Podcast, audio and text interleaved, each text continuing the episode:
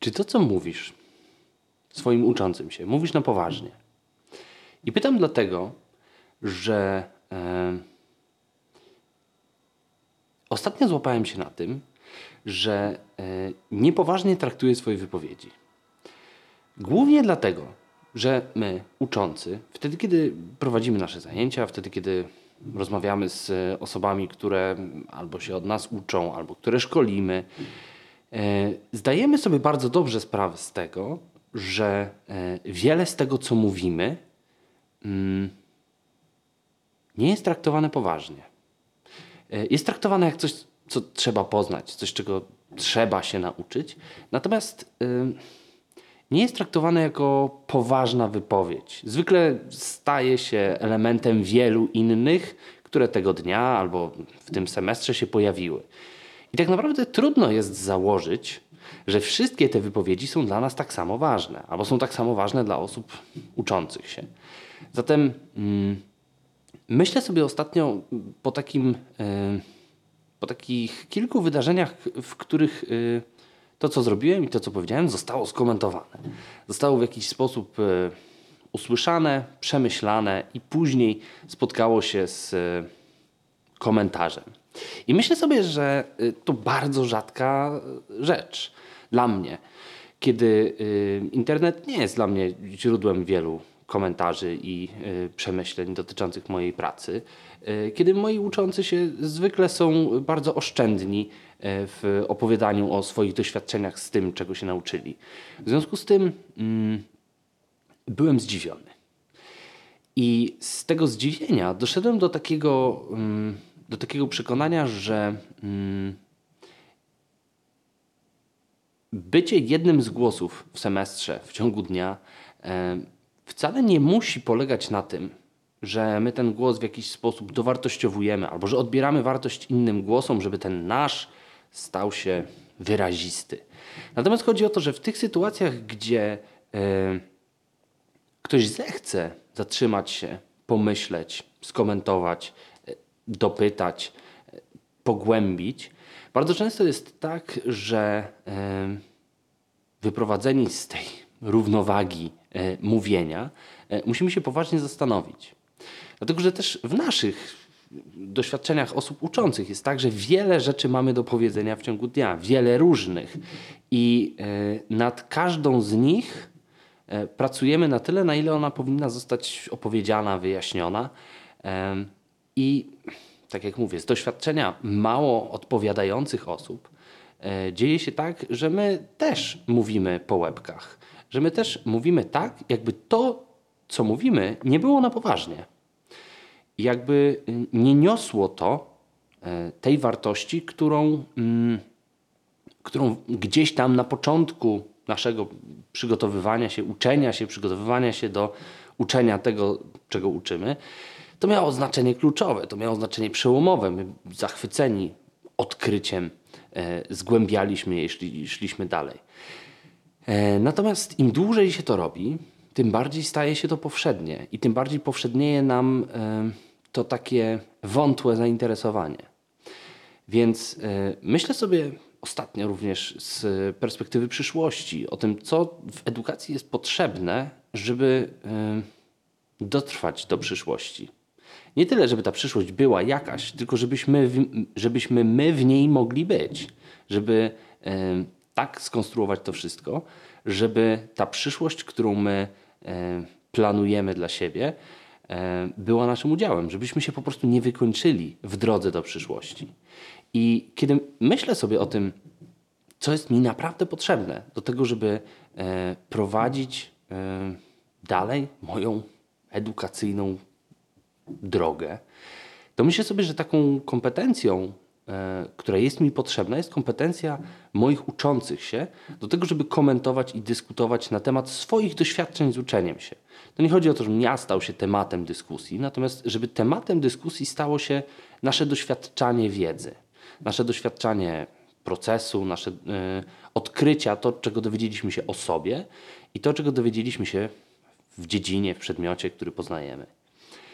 I myślę sobie, że mm, kształcenie takiej kompetencji wymaga tego, żebyśmy hmm, rozmawiali ze sobą. Ale to samo rozmawianie nie jest takie proste, bo to nie, nie może być tylko rozmowa o, e, o tym, jak wam jest. Chodzi o rozmowę na temat e, różnych wciągających nas, uczących tematów. Takich rzeczy, które nas zatrzymały, takie rzeczy, które nas zastanowiły. I zapraszanie naszych uczących się do tego, żeby oni rozmawiali o tym z nami, żeby mm, dzielili się swoimi przemyśleniami, swoimi doświadczeniami, ale też, żeby byli świadkami tego, że dziedziny, których uczymy, są w ruchu, że one się zmieniają, że coś, co było dobrą odpowiedzią na pytanie 10 lat temu, dziś jest niedopuszczalne. E, myślę sobie też, że mm, takie spotkania, gdzie debatujemy, gdzie nie musimy się zgodzić ze sobą, są okazją do tego, żeby zobaczyć e, kilka punktów widzenia.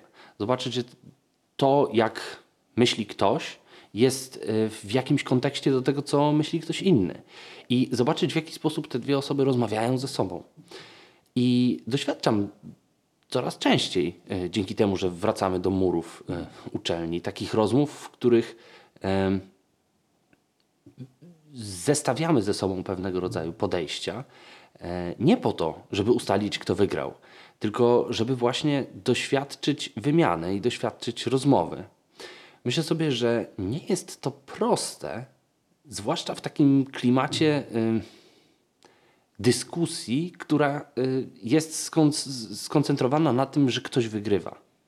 Poza tym myślę sobie o tym, że y, sztuka argumentowania i sztuka y, stania po swojej stronie y, jest nam potrzebna nie tylko w życiu akademickim albo w y, uczeniu się, ale jest nam potrzebna w ogóle. Dlatego, że wtedy, kiedy uczymy, e, bardzo często stawiamy tezy naukowe, stawiamy e, badania naukowe jako wzór, jako pewnego rodzaju pomysł na e, patrzenie na rzeczywistość. Robimy to szybko, przedstawiamy wiele takich tematów, a tak naprawdę nasi uczący się nie wiedzą, jakie jest nasze stanowisko nie tyle, czy my mówimy, to jest dobre, czy to jest niedobre, tylko czy my dostrzegamy wiele aspektów w tym. Więc dla zadbania o to, co w edukacji gwarantuje przyszłość, e, jest to, jak my dyskutujemy ze sobą o nauce, jak my dyskutujemy ze sobą o twierdzeniach, których uczymy. I w końcu, jak my dyskutujemy ze sobą o tym, czego doświadczamy, jak się powinno czegoś uczyć, albo jak nam było najlepiej uczyć się czegoś.